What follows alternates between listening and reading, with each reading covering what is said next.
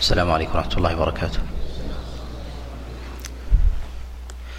الحمد لله رب العالمين وصلى الله وسلم وبارك على نبينا محمد وعلى آله وأصحابه ومن تبعهم بإحسان إلى يوم الدين. أما بعد يقول الله عز وجل يا أيها الذين آمنوا لا تأكلوا الربا أضعافا مضاعفة. تقدم معنا في سورة البقرة الكلام على الربا وبيان خطورته وكذلك أيضا عقوبة فاعله. وأنه من المحاربين لله عز وجل وذكرنا أن الله سبحانه وتعالى ما ذكر حربه مع أحد من عباده إلا في حال الكفر ومعاداة المؤمنين وكذلك أيضا في حال آكل الربا. وقرن الله عز وجل لذلك دليل على شدة ذلك الفعل وعظم إثمه. وهنا في هذه السورة ذكر الله سبحانه وتعالى الربا وذكر الأضعاف المضاعفة. بالنسبة لتحريم الربا تقدم الكلام عليه معنا في سورة في سورة البقرة ومنزلته وخطورته وذكر الله عز وجل للأضعاف المضاعفة في الربا. ليس ذلك وصفا للأمر المحرم بتقييده وإنما وإنما ذلك حكاية حال أهل الجاهلية في تعاملهم بالربا وذلك أنهم يأكلون الربا اضعافا مضاعفة. والربا كان في الجاهلية يكون على صورتين.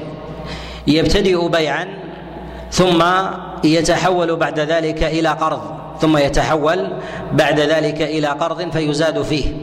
وهذه هي الصورة الأشهر. والثانية أن يبتدئ قرضا ثم يتحول بعد ذلك إلى قرض يزيد كلما زاد الأجل. كلما زاد الأجل. وكلها من الربا من الربا المحرم الذي لا خلاف فيه. من الربا المحرم الذي لا خلاف فيه. فالله سبحانه وتعالى حينما ذكر الأضعاف المضاعفة لا يعني جواز أن يأكل الإنسان الربا إذا كان دون الضعف. كأن يأخذ على قرضه الربع أو العشر أو الثلث أو النصف أو غير ذلك فإن هذا ليس بمراد باتفاق العلماء وإنما هي حكاية حال لحال الجاهلية. وذلك أنهم أنهم يبيعون سلعة فإذا اقترب الأجل قالوا قالوا للمشتري نربيك أو تعطينا. نربيك أو تعطينا. يعني نربيك فنزيد في الأجل حتى حتى تمهل في ذلك أو تعطينا حقنا ونقول حينئذ إن هذا إن هذا أشد أنواع الربا تحريما. أشد أنواع الربا تحريما. لماذا؟ لأنه لا يتوقف عند حد. فكلما زاد في الأجل زاد في زاد في الربا. وهذا هو المراد بالمضاعفة في قول الله عز وجل اضعافا مضاعفة يعني تتضاعف بمقدار ذلك الأجل الذي يعطيه صاحب المال. فإذا كان في الحول زاد ضعفا وإذا كان في الحولين زاد زاد ضعفين. وطريقتهم في ذلك على ما تقدم الزيادة وهذا كان يتعامل به أهل الجاهلية وهو أمر مشهور عندهم معروف عند أهل التجارة سواء كانوا من قريش أو أو من غيرهم. وقد وضعه النبي صلى الله عليه وسلم وسماه بربا الجاهلية قال عليه الصلاة والسلام كما جاء في الصحيح ألا وإن ربا الجاهلية موضوع وأول ربا أضع ربا عمي العباس.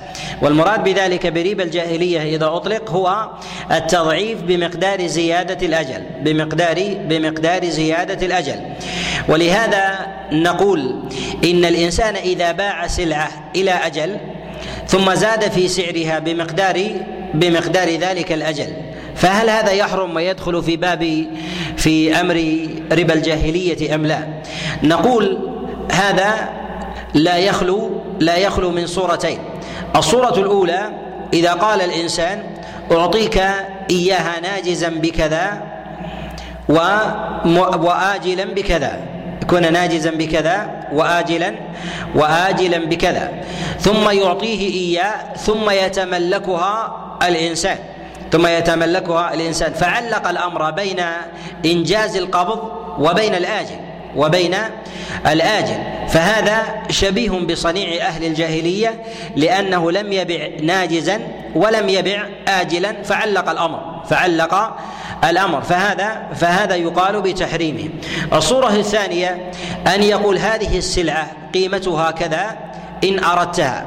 وإن أردتها بالآجل فقيمتها كذا فاتفقا على آجل أو عاجل وقبض العاجل أو أجله إلى أو أجله إلى أمد أو, أم أو إلى إلى أمد معلوم فيقال هذا التورق هذا هذا التورق عند عند العلماء والخلاف في ذلك والخلاف في ذلك معروف. أهل الجاهلية يبيعون سلعة يبيعون سلعة إلى أجل. يبيعون سلعة إلى أجل. بزيادة.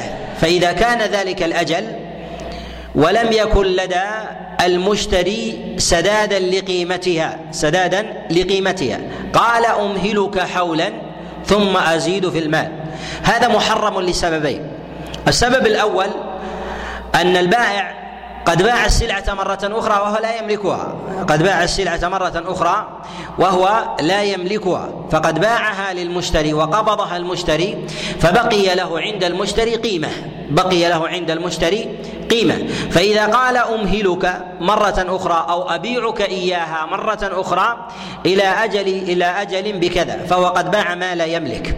باع ما لا ما لا يملك فحرمت من هذا الوجه وحرم كذلك الزيادة لأجل لأجل الأجل. الأمر الثاني والسبب الثاني الذي يحرم لأجله أنه جعل المال الذي في ذمة ذلك المشتري يزيد بالتأجيل يزيد يزيد بالتأجيل.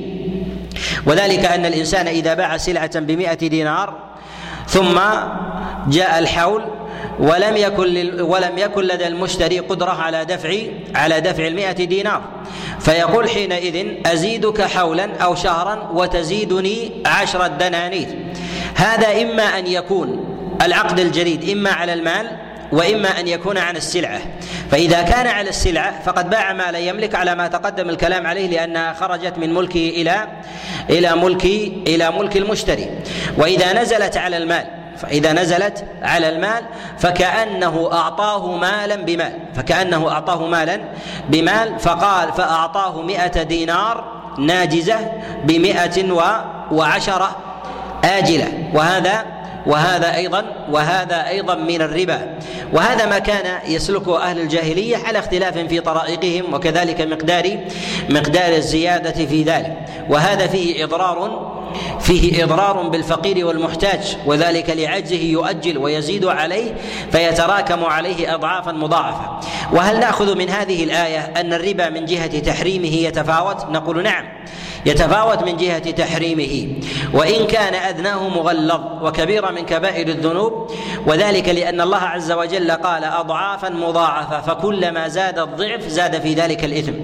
فكلما زاد في ذلك فكلما زاد الضعف زاد في ذلك في ذلك الإثم وبمقدار الزيادة فإنه يكون أك فإنه يكون أكلا لأموال الفقراء والمحتاجين بالباطل.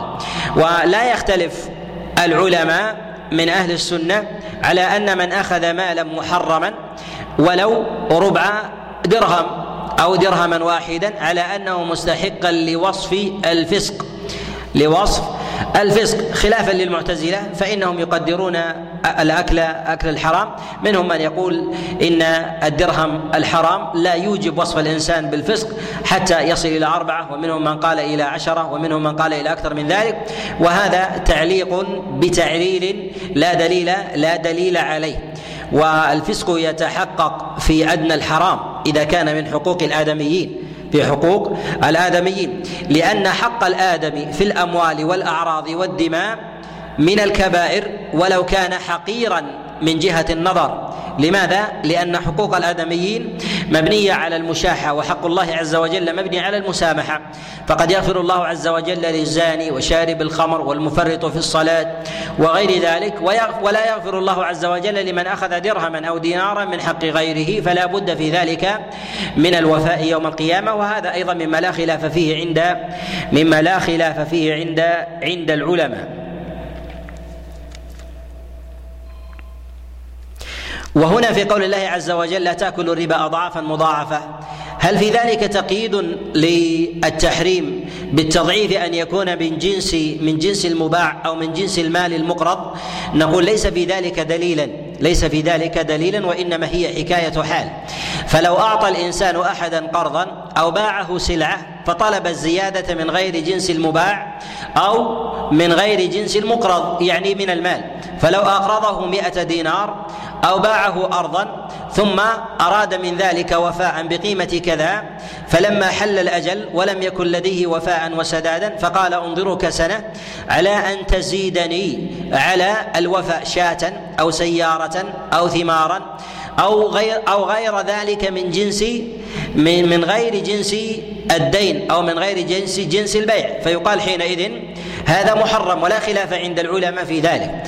فإذا أقرضه دراهم ثم أراد التأجيل بالزيادة بشيء من غير جنس الدراهم فهذا محرم لقول النبي صلى الله عليه وسلم كل قرض جر نفعا فهو فهو ربا. فإذا أقرض الإنسان أحدا كمئة أو مئتين ثم انتفع من ذلك ولو بنفع يسير فيعطيه القرض على أن يقوم بكذا بمؤونة كذا. أو أعطاه قرضا على أن يشفع له شفاعة. أو أعطاه قرضا على أن يهديه هدية أو غير ذلك فهذا فهذا من الربا. فكل نفع سواء كان ماديا أو معنويا أو أو معنويا يشترطه الإنسان عند العقد عند العقد. فهذا فهذا محرم أو يكون شرطا للتأجيل. ولكن إذا جاءه من غير قيد إذا جاءه من غير من غير قيد فأعطى احدا مئة دينار. فأعطاه مئة دينار قرض. ثم لما جاء الوفاء أعطاه مئة دينار, مئة دينار. ثم زاده هدية إما ثمرا وإما مالا أو غير ذلك من الهدايا مما يتعاطاه الناس. فنقول هذه محكومة بالهدية لأنها ليست ليست مشارطة وليست ملزمة للإنسان ولولا والأولى للإنسان أن يتورع أن يتورع عنها.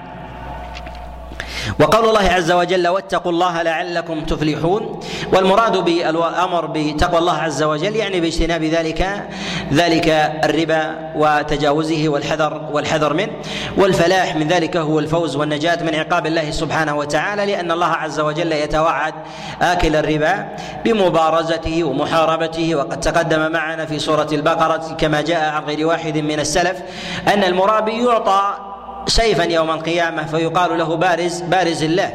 ولا أحقر ولا أصغر ولا ولا أضعف منه منه يوم القيامة. ولا أذل ولا أذل منه في ذلك في ذلك في ذلك الموضع والموقف.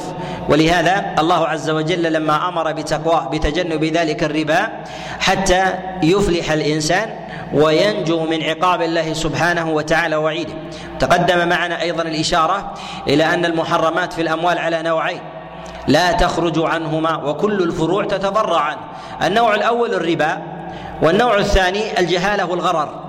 والجهالة والغرر يدخل فيها القمار والميسر ويدخل فيها أنواع الغرر وذلك من من بيع الملامسة والمنابذة والمزابنة وغير ذلك من أنواع من أنواع البيوع. سواء كان ذلك في أنواع في المبايعات أو كان ذلك في أمور المزارعة. في أمور المزارعة وذلك كالمخابرة والمخاضرة وغير ذلك ما يتكلم عليه الفقهاء في هذا في هذا الباب.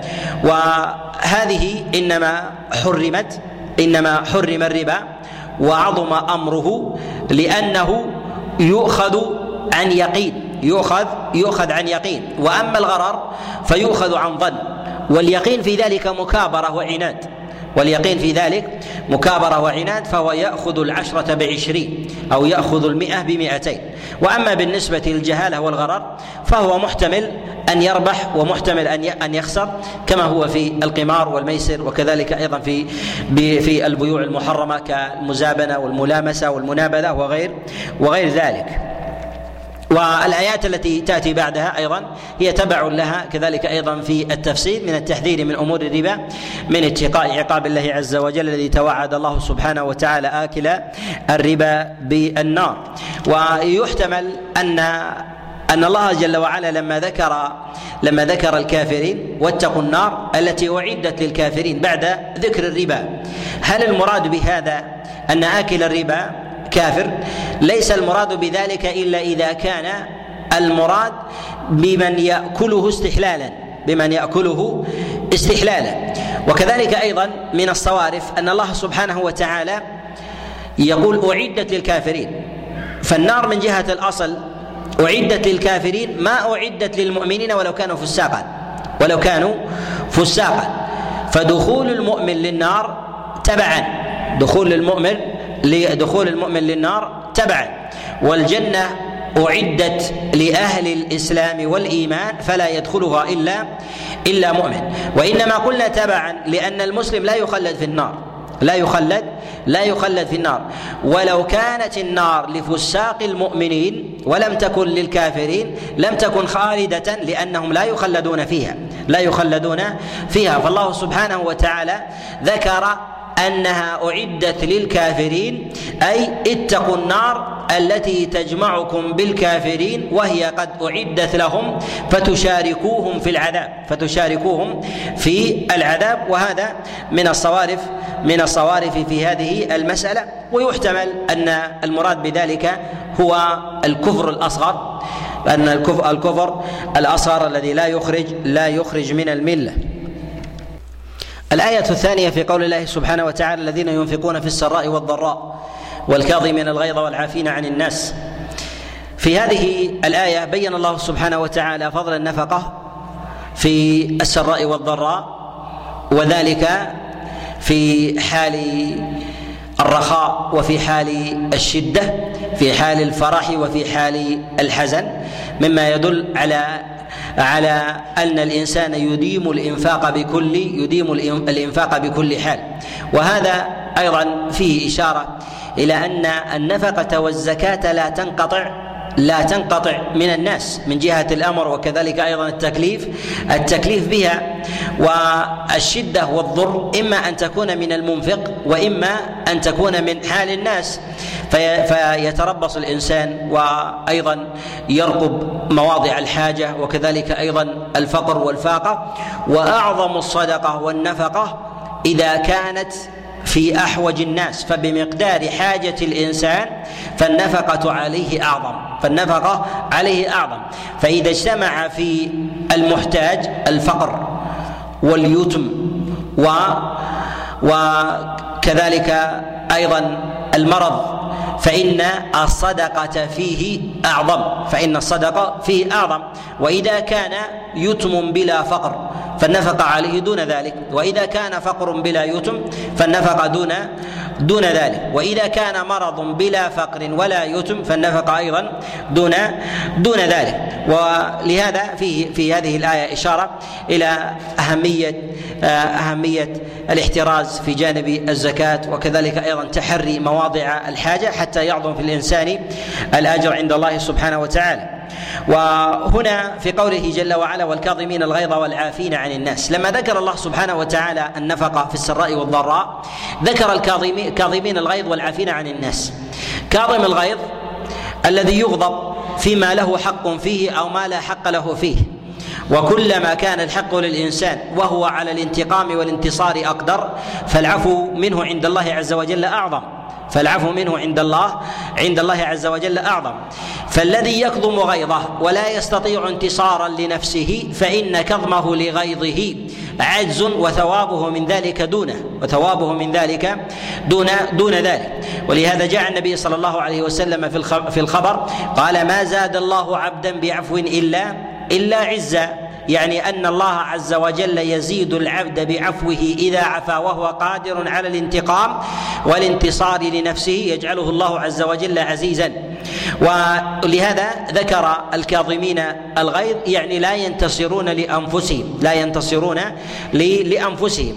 قيل إن المراد بذلك أن يكظم الإنسان غيظه عمن أخطأ عليه من ممن كان قريبا منه. قيل ذلك في الخدم وقيل في الأزواج وقيل في الأولاد. وغير ذلك. وقد جاء عن رسول الله صلى الله عليه وسلم كما في السنن أن النبي صلى الله عليه وسلم سئل عن العفو عن العفو عن الخادم. قال قيل له كم أعفو عن الخادم في اليوم؟ قال النبي صلى الله عليه وسلم سبعين سبعين مرة. وهذا إشارة إلى أهمية العفو. وهذا إذا كان في خادم فكيف في زوجة؟ وكيف في ولد من ابن وبنت ممن كان قريبا من الإنسان فإن الأجر فيه أعظم. لماذا؟ لأن الخطأ منه أكثر. وذلك لكثرة المخالطة وكذلك المعاشرة. فيلحظ منه من الأخطاء ما لا يلحظه من الأبعد.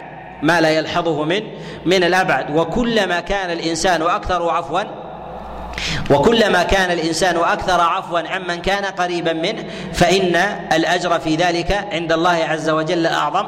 وذلك أن عفو الإنسان عن عن الخطأ مرة يختلف عن عفوه عن الخطأ مرتين وثلاث. لماذا؟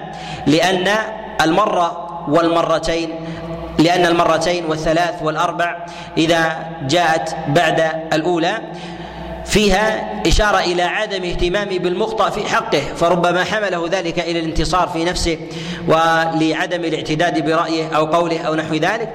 والعفو في ذلك والعفو في ذلك أقرب وأعظم وأعظم أجرا عند الله سبحانه وتعالى.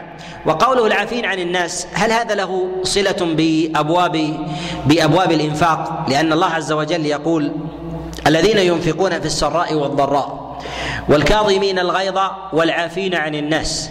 أمر بالإنفاق ثم حث على كظم الغيظ والعفو عن الناس. فهل فهل دلالة الاقتران هنا محل اعتبار؟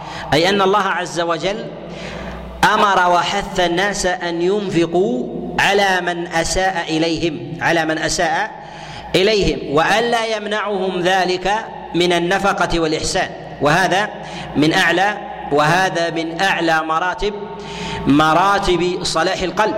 وذلك أن النفوس مجبولة على الشح والطمع والانتصار لنفسها. كذلك أيضا فيه إشارة ودلالة إلى أن الإنسان ربما ينتصر لنفسه بالمنع ربما ينتصر لنفسه بالمنع. لا ينتصر لنفسه بإلحاق الأذى والمباشرة في ذلك. فإن الإنسان إذا أوذي بسبه وشتمه أو تعييره أو الوقيعة فيه أو كان أو كان يستطيع أن يؤذي أحدا إما بضربه أو بقتله أو بسلب ماله أو غير ذلك فالله عز وجل نهى عن ذلك وأمر بكظم الغيظ. ولكن من الأمور الخفية أن الإنسان يمنع شيئا كان يجريه لأجل الأذية التي بلغت إليه لأجل الأذية التي بلغت إليه. فيقول لا أعطي فلانا لأنه وقع في عرضي وتكلم في أو غير ذلك. ويظن أنه قد كظم غيظا لأنه ما انتصر لنفسه بقوله وفعله وهو قد منع النفقة التي كان يجريها والعطية التي التي كان يمضيها وذلك لذلك الفقير أو المحتاج وهذه بأنواعها إما أن تكون صدقة وإما أن تكون هدية وهبة وعطية. وهل في هذه الآية دلالة على إسقاط الدين عن المدين إذا أنفق الإنسان؟ أو أعطى أحدا ومعلوم أن على ما تقدم معنا أن الدين هو نصف صدقة أن الدين هو نصف نصف الصدقة فإذا أعطى الإنسان أحدا دينا ثم عفى عنه هل ذلك يجزئ من الزكاة أم لا؟ يجزئ من الزكاة أم لا؟ أظن تقدم الإشارة معنا إلى إلى هذا في سورة البقرة وليس كذلك؟ اختلف العلماء عليهم رحمة الله تعالى في هذه المسألة على قولين ذهب عامة العلماء إلى أن الدين لا يسقط من الزكاة. إلى أن الدين لا يسقط من الزكاة. وهذا قول عامة العلماء وهو قول أبي حنيفة والإمام أحمد وسفيان والأوساعي. وذهب إلى هذا ابن تيمية بل نص ابن تيمية رحمه الله إلى أنه لا يعرف في هذه المسألة نزاع. إلى أنه لا يعرف في هذه المسألة نزاع. فإذا أقرضت أحدا دينا ثم أعسر فليس لك أن تسقط ذلك أن تسقط ذلك الدين من زكاتك. تسقط ذلك الدين من من زكاتك وثمة قول آخر. هذا القول جاء عن عطاء وقال به الظاهرية. ويروى عن الحسن تقييد ذلك بالديون لا في البيوع لا في البيوع. والأظهر والله أعلم إلى أنه لا يجوز إسقاط الدين لا يجوز إسقاط الدين عن الزكاة. فإذا كان الإنسان لديه لديه حق عند أحد دينا ثم افتقر ليس له أن يسقط ذلك. وهذا لعدة أمور. أولها أن هذا موضوع وليس مأخوذ. والله عز وجل أمر بأخذ الزكاة فقال جل وعلا خذ من أموالهم صدقة. والنبي صلى الله عليه وسلم يقول لما بعث معاذا إلى اليمن كما جاء في الصحيحين وغيرهما قال وأعلموا أن الله عز وجل قد افترض عليهم صدقة في أموالهم تؤخذ من أغنيائهم فترد في فقرائهم. فهذه الزكاة مأخوذة وليست وليست موضوعة. الأمر الثاني أن في إسقاط الدين منه منة من الدائن على المدين. وأما بالنسبة للزكاة لا منة فيها لأن الإنسان أخرجها استجابة لله قبل أن يسقطها على الإنسان. الأمر الثالث أن في إسقاط الدين على المدين المعسر أمر لا خيار للإنسان فيه لأنه معسر. أما الزكاة فهي خرجت من الإنسان باختياره. وفي هذا تفويت لمصلحة شرعية أن الإنسان إذا أخرج الزكاة من ماله يملك حق اختيار والبحث عن الأحوج من الناس من الفقراء وهذا يدفع ماذا؟ يدفع التماس الأحوج من الناس فهذا قدم حظ نفسه الذي عند عند ذلك الفقير مع أنه يرى من هو أحوج منه فتركه لحظ لحظ نفسه حتى لا يخرج الزكاة مرة مرة أخرى ويكفي في ذلك أن الزكاة أراد الله عز وجل بها تطهيرا للمال والمال هو المقبوض لدى الإنسان بخلاف الذي لدى غيره فهو لا يملكه كحال المال المفقود حال المال المفقود ثم لا يدري هل يرجع إليه أو لا يرجع أو لا يرجع إليه هل يرجع إليه أو لا يرجع إليه وربما رجع إليه نصفه. وذلك أن النبي صلى الله عليه وسلم في الدين في الشفاعة للدين أمر النبي عليه الصلاة والسلام الدائن أن يضع شطر دينه أن يضع شطر شطر دينه. فاذا أنت تضع زكاتك في مال مظنون أن يعود إليك في مال مظنون أن يعود أن يعود إليك. ثم أيضا وهذا الأمر الرابع أن الله عز وجل أرشد إلى إنظار المعسر. ولو كان إسقاط الحق فيه من الزكاة مشروع لدل عليه لأنه أقرب إلى الاستجابة. فإن الإنسان يجد من إنظار المعسر من المشقة عليه لحبه لماله أكثر مما يجده في إسقاطه من حق زكاته. لماذا؟ لأنه يرى من ذلك اسقاطا للتكليف الذي يكون عليه لإسقاط التكليف الذي يكون يكون عليه. وكذلك أيضا في هذا أن الزكاة شرعها الله سبحانه وتعالى ليطهر فيها ليطهر فيها نفس صاحب المال وذلك بإبعاد الشح من نفسه والطمع وغير ذلك. أما إذا كان المال مفقود وليس موجود لديه ثم يسقطه لا أثر لذلك في أبواب في أبواب وضع المال الذي يكون عند المعسر من الزكاة فلا قيمة له في ذلك وربما تعطلت الزكاة.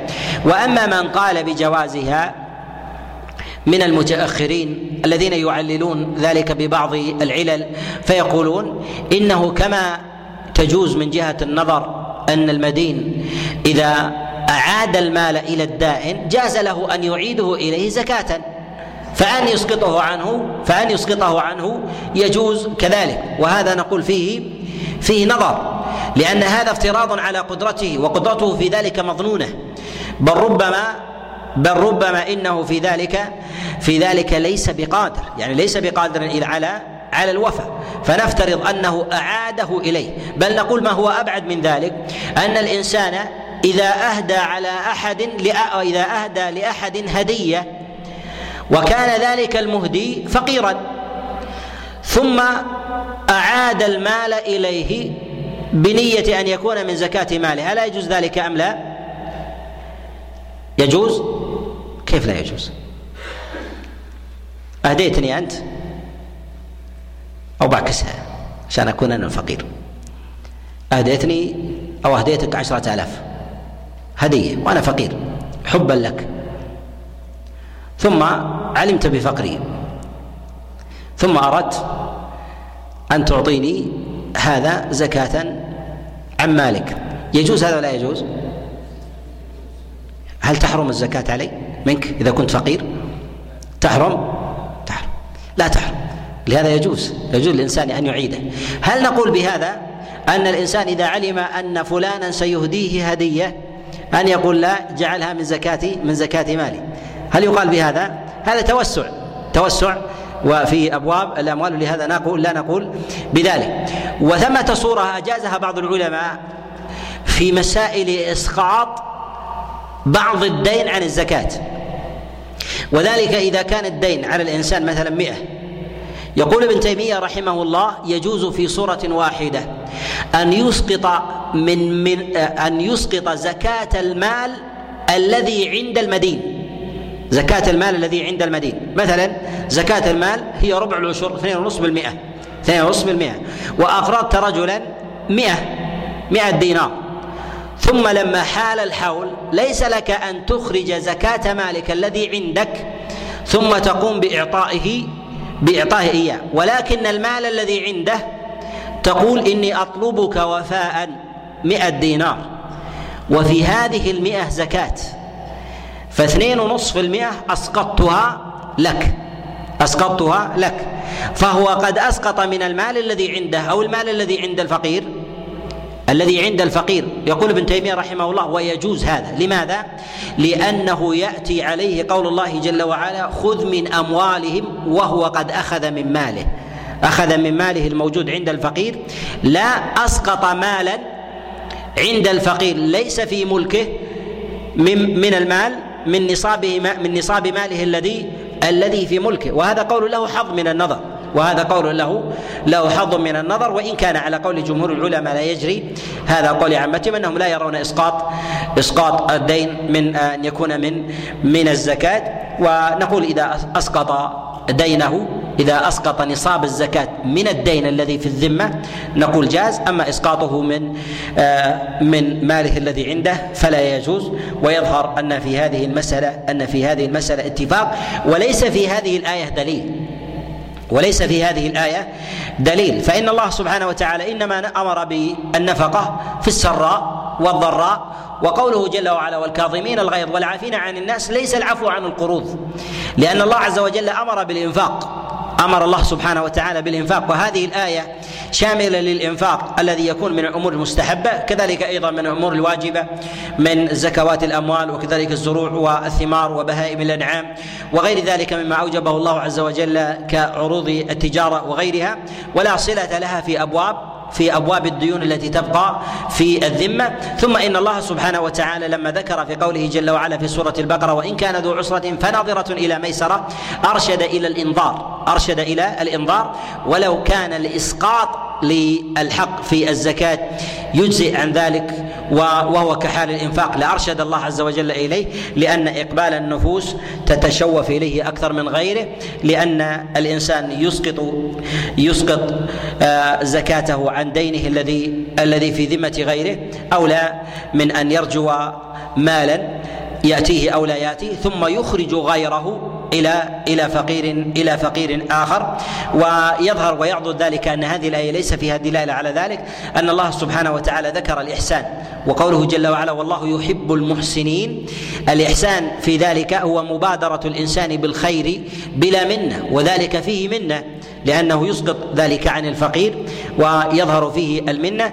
والزكاة واجبة على الإنسان افترضها الله سبحانه وتعالى على الغني فيخرجها واجبة عليه ليرفع التكليف التكليف عن نفسه وكذلك أيضا وكذلك طهرة لماله. بخلاف هذه الآية فإن في سياق الإحسان وبذل المعروف وهذا يعضده جملة من القرائن. أن الله عز وجل ذكر الإنفاق وهو في الأمور المستحبة في ظاهر الآية.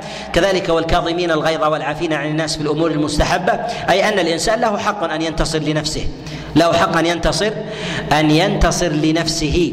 وإذا لم ينتصر فقد حمد الله عز وجل له كظم غيظه وعفوه كذلك وحمد الله عز وجل له عفوه عن خطأ خطأ غيره عليه بصبره على على أذاه. وهل ذلك على الإطلاق أن الإنسان يحمد له العفو؟ نقول العفو يحمد ويذم. العفو يحمد يحمد ويذم. يحمد إذا كان في مقدور الإنسان ويطيقه ويصبر عليه ويصبر ويصبر عليه ولا يجرئ الباغي عليه فيزداد في ذلك ويستطيل في الشر. ولا يحمد إذا كان فيه شدة أذية لا يطيقها الإنسان. ولهذا يقول النبي عليه الصلاة والسلام كما في المسند قال عليه الصلاة والسلام لا ينبغي لمؤمن أن يؤذي نفسه. وجاء في رواية أن يذل نفسه. قالوا وكيف ذلك يا رسول الله؟ قال يتحمل من البلاء ما لا يطيق، يتحمل من البلاء ما لا ما لا يطيق، يعني ما لا تطيقه العفو فيه غير محمود، العفو فيه غير غير محمود، لهذا قال النبي عليه الصلاة والسلام لا ينبغي لمؤمن أن أن يذل أن يذل نفسه يتحمل من البلاء من البلاء ما لا ما لا يطيق. نتكلم على قول الله عز وجل إن الذين تولوا منكم يوم التقى الجمعان إنما استزل إنما استزلهم الشيطان ببعض ببعض ما كسبوا. بين الله سبحانه وتعالى أن أقواما ممن كانوا مع رسول الله صلى الله عليه وسلم في غزوه في غزوة أحد تولوا عن رسول الله صلى الله عليه وسلم وكان توليهم على على نوعين. الأول تولي تام وذلك بتخلفهم عن اللحاق برسول الله صلى الله عليه وسلم وهذا كان من المنافقين فلم يلحقوا برسول الله صلى الله عليه وسلم وبقوا في المدينة. وكان على رأس أولئك من المنافقين عبد الله بن أبي وأتباعه وذلك إذ رجع بثلث بثلث الجيش. والثاني الذين كانوا مع رسول الله صلى الله عليه وسلم في غزوة أحد ولما استطار الأمر بين المسلمين والمشركين واشتد واشتد الكرب. منهم من لاذ ببعض ببعض الجبال. منهم من لاذ ببعض ببعض الجبال. وكذلك أيضا من خالف أمر رسول الله صلى الله عليه وسلم. وصف بهذا وصف بهذا بهذا الوصف. وقد عفى الله سبحانه وتعالى عفى الله عز وجل عمن تولى رحمه ورحمة الله سبحانه وتعالى في ذلك واسعة ويظهر أن الله عز وجل إنما عفى لوجود بعض الأخيار من الصحابة في ذلك لوجود بعض الصحابة من الأخيار آه، في ذلك ممن يبرأ ممن يبرأ من النفاق ممن يبرأ من النفاق. فعفى الله عز وجل عن أولئك جملة. كذلك أيضا أن عفو الله سبحانه وتعالى في عن أولئك إنما كان لأن المسلمين في بادئ الأمر في بادئ الأمر. فالمسامحة في بداية الأمر وفي الزلات الأولى من الأمور المحمودة من الأمور المحمودة بخلاف بخلاف ما يقع من الإنسان مرات وكرات فإنه يؤاخذ في ذلك ويلام ويعاقب ويعاقب عليه. ذكر الله سبحانه وتعالى هنا يوم التقى الجمعان. في هذه الآية دليل على تحريم التولي يوم الزحف. التولي يوم يوم الزحف. سواء كان ذلك عند التقاء الصفين وهو أعظم أو من نصف الطريق فإن في فإنه دون ذلك ولكن فيه خذلان فيه خذلان للمسلمين. وفي هذه الآية إشارة إلى معنى عظيم جدا. إلى أن الإنسان لا يحرم الخير إلا بالذنب. لا يحرم الخير إلا إلا بالذنب. لهذا الله سبحانه وتعالى لما ذكر من تولى من المسلمين عن النبي عليه الصلاة والسلام يوم أحد جعل الله عز وجل سبب ذلك استزلال الشيطان لهم فيما سبق من ذنوب ومعاصي قال بما كسبوا يعني بما اقترفوا من ذنوب ومعاصي. لهذا يثبت الله سبحانه وتعالى صاحب الطاعة والمعصية تقيد الإنسان وتثقل كاهله حتى يضعف عند الإقدام حتى يضعف عند عند الإقدام. والانتكاسه بسبب معصية الانتكاسه بسبب معصية إما ظاهرة وإما باطنة. والمعاصي الباطنة أعظم عند الله عز وجل من المعاصي من المعاصي الظاهرة. لماذا؟ لأن المعاصي الباطنة فيها تخصيص للخالق سبحانه وتعالى بالاستهانة. وأما في الظاهرة فإنه يستهين بالخلق والخالق يستهين بالخلق والخالق. وأما في الباطنة فيعظم المخلوق ولا يعظم الخالق. فيعظم المخلوق ولا يعظم ولا يعظم الخالق.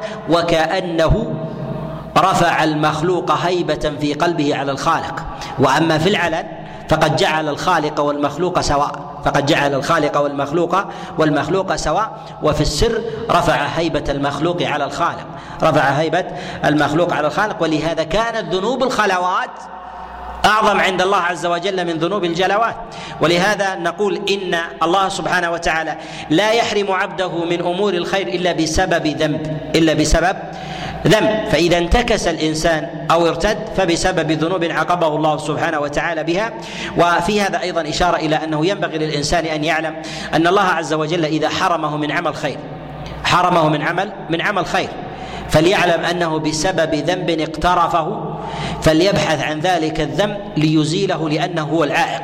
ليزيله لأنه هو العائق. وذلك بالتوبة والاستغفار ونحو ذلك. فإذا حرم من عمل خير من سفرة خير أو من صحبة خير أو من نفقة أو غير ذلك أحيل بينه وبين عمل بر وأغلق وحيل بينه وبينه فليعلم أن الله عز وجل حرمه إياه بسبب ذنب فإن الله عز وجل لا يحرم عبده إذا اكتمل قصده وصلح ظاهره. والتولي يوم الزحف يأتي معنا بأقسامه وأنواعه ومراتبه فيما نستقبل بإذن الله تعالى. ونرجع الكلام عليه بتفصيله هناك. الآية الرابعة في قول الله سبحانه وتعالى وما كان لنبي أن يغل ومن يغل يأتي بما غل يوم القيامة. هذه الآية نزلت على رسول الله صلى الله عليه وسلم كما جاء في حديث عبد الله بن عباس لما فقد الصحابة قطيفة من الغنيمة فقالوا ربما أخذها رسول الله صلى الله عليه وسلم. فأنزل الله عز وجل على النبي عليه الصلاة والسلام وما كان لنبي أن يغل ومن يغل يأتي بما غل يوم القيامة. وهذا تنزيه للنبي عليه الصلاة والسلام أن يساء الظن به ولو كان بعض الصحابة أطلقها لأنه ربما رأى أن الله استثناه في هذا الأمر. استثناه في هذا الأمر. وفي هذا تعظيم لجانب لجانب الغلول في الأموال. الغلول في الأموال وخاصة في الأموال التي يكتسبها التي يكتسبها المسلمون من الغزوات. والغنائم حرمها الله سبحانه وتعالى على سائر الأنبياء ولم تحل إلا لرسول الله صلى الله عليه وسلم. كما جاء النبي عليه الصلاة والسلام في حديث جابر وغيره قال أعطيت خمسا لم يعطهن أحد قبلي وفيها وأحلت لي الغنائم. وذلك أن الأنبياء فيما سبق كانوا يغزون فإذا غنموا جمعوا الغنائم في موضع. ثم أرسل الله عز وجل لها نارا تحرقها تحرقها فلا تكون في حظ النبي وأتباعه ولا في حظ الكافرين الكافرين واتباعهم وذلك إنما حرم الله سبحانه وتعالى الغنائم على من سبق لعلل منها أن لا يتشوف الناس إلى القتال لأجل أن يغنموا بعيدا عن نصرة الدين بعيدا عن نصرة الدين. كذلك أيضا أن لا يقع في النفوس تسويل فيجعلون من الظن يقين فيشكون هل هذا كافر أو مسلم ثم يقتلونه حبا في الغنيمة فيترجح عندهم الظن الذي الذي يخالف يخالف الحق. وهذا عصمة لتلك لتلك الأموال. كذلك فالله عز وجل قد جعل قسمة الغنائم إليه قد جعل قسمة الغنائم إليه وما جعلها إلى أحد. لماذا؟ حتى تعصم الأموال المحرمة. حتى تعصم الأموال المحرمة. وذلك بما أحله الله عز وجل النبي عليه الصلاة والسلام من تلك الغنائم. أصل هذه الأموال قبل الكفر محرمة. ثم أحلها الله عز وجل النبي عليه الصلاة والسلام بسبب. وذلك السبب الكفر. وعدم الدخول في الإسلام ومحاربة أهل الإيمان. فإذا أحلها الله عز وجل النبي عليه الصلاة والسلام لاجل لأجل ذلك ليس لأحد أن ياخذ أن يأخذ تلك الأموال بقسمة رأيه فجعل الله عز وجل الامر الأمر إليه. وأخذ الغنائم محرم إذا أخذها الإنسان لحظ نفسه إذا أخذها الإنسان لحظ نفسه على ما تقدم لأن الله عز وجل قد جعل قسمتها قسمتها إليه. والغنائم التي يجوز أخذها من غير قسمة هي ما لا يحمل هي ما لا ما لا يحمل. وذلك من الماء المشروب والطعام الذي إذا ترك فني. الذي إذا ترك فني وذلك كالألبان والأجبان وغير ذلك التي لا لا تحمل التي لا لا تحمل. وأما الطعام الذي يدخر أما الطعام الذي الذي يدخر فإن الأصل أنه من الغنائم. وهل للإنسان أن يأكل من ذلك شيئا إن احتاج إليه؟ نقول يأكل من ذلك ويؤكل غيره ممن كان معه من غير أن يأخذ من ذلك زيادة. وأما ما يفنى من الثمار وكذلك أيضا ما يفسد من الطعام على ما تقدم وذلك من الحليب أو اللبن أو الأجبان إذا تركت أو الفواكه أو غير ذلك مما لا يدخر فإنه يطعمه الإنسان ويطعم من حوله ولا يكون هذا من جملة الأشياء المحرمة. وأما ما يحمل ويدخر وينتفع وينتفع به فلا يجوز للإنسان أن يأخذه ولو كان قليلا. لأن النبي صلى الله عليه وسلم قال في رجل غل شملة والشملة هي التي يوضع يوضع على ثدي إما الشاة أو الناقة التي تحلب حتى لا يرضع حتى لا يرضع منها منها ولدها قال النبي عليه الصلاة والسلام لقد رأيت الشملة التي غلها توقد عليه نارا يوم القيامة. قد عليه نارا يوم القيامة. وهذه مع يسرها أن الإنسان لا يتدثر فيها من برد ولا تنفعه وليس ليست بخف ولا بجبة ولا بعمامة وإنما هي وإنما هي لبهيمة. مع ذلك جعلها الله سبحانه وتعالى وقودا له. لماذا؟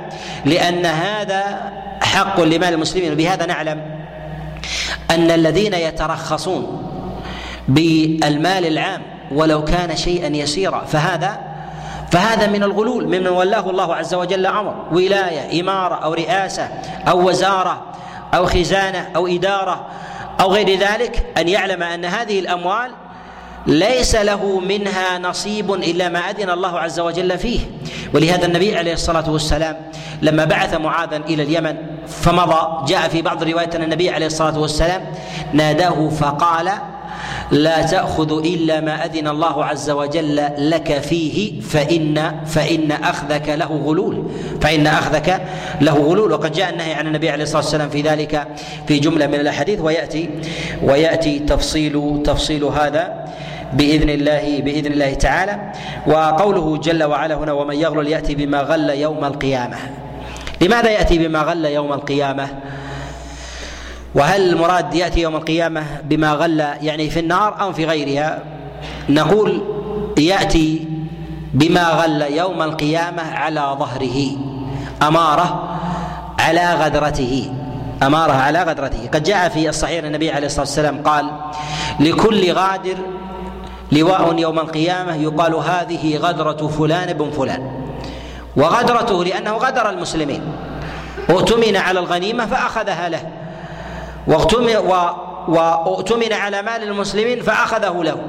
فيؤتى ذلك لواء وانظروا ماذا غدر وماذا وماذا سرق من حق من حق المسلمين. وإذا كانت غدرته وإذا كانت غدرته ليست من الأمور المادية مما يحمل. كان له لواء يوم القيامة يكتب عليه هذه غدرة فلان بن فلان. هذه غدرة فلان ابن فلان. وإذا كانت مالا أو كانت ارضا أو كانت أو كانت ثمرا أو غير ذلك يأتي بها يوم القيامة. كل إنسان بمقدار غلته. وقيل إن المراد بذلك أن يؤتى بما غل يوم القيامة ليعذب به في النار. ليعذب به في النار. قالوا وهذا قدر زائد عن العرض وهذا قدر زائد على الأرض مما يعرض على الإنسان أو مع الإنسان يوم القيامة من غدرته.